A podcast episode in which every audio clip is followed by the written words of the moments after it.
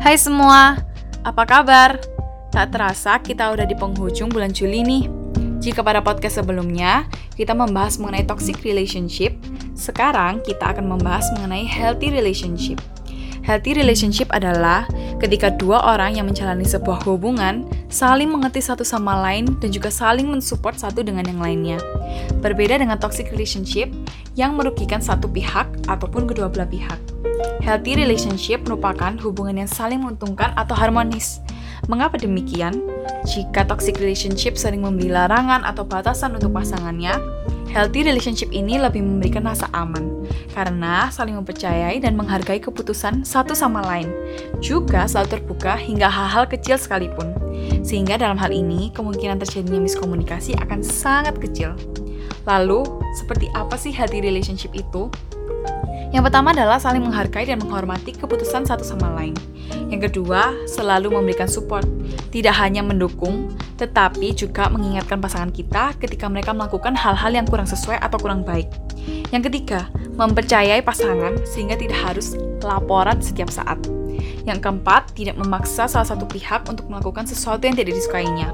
Dan yang terakhir, tidak memiliki pikiran negatif atau tidak mudah curiga.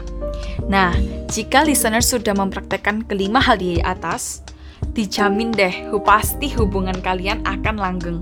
Lalu, apa sih keuntungan jika hubungan dengan pasangan didasari dengan hubungan yang sehat atau healthy relationship?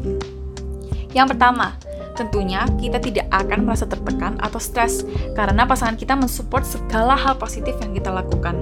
Yang kedua, kita dapat memiliki me time dengan tidak ada larangan dari pasangan karena adanya rasa kepercayaan.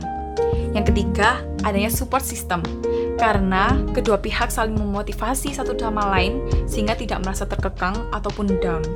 Dan yang terakhir, mudah menyelesaikan suatu konflik atau masalah karena adanya komunikasi yang lancar dalam suatu hubungan. So, listeners, Healthy relationship akan membantu kedua belah pihak untuk bertumbuh ke arah yang lebih baik. Tidak hanya menerima dan mendukung, tetapi saling mendorong untuk menjadi lebih baik dengan tidak memaksa untuk menjadi orang atau figur lain. Enak banget kan kalau hubungan dengan pasangan didasari dengan hubungan yang sehat.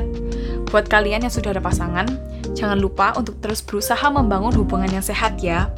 Buat kalian yang belum memiliki pasangan, jangan khawatir. Di saat-saat inilah waktu kita untuk belajar dan mempersiapkan diri untuk menjalani hubungan nantinya.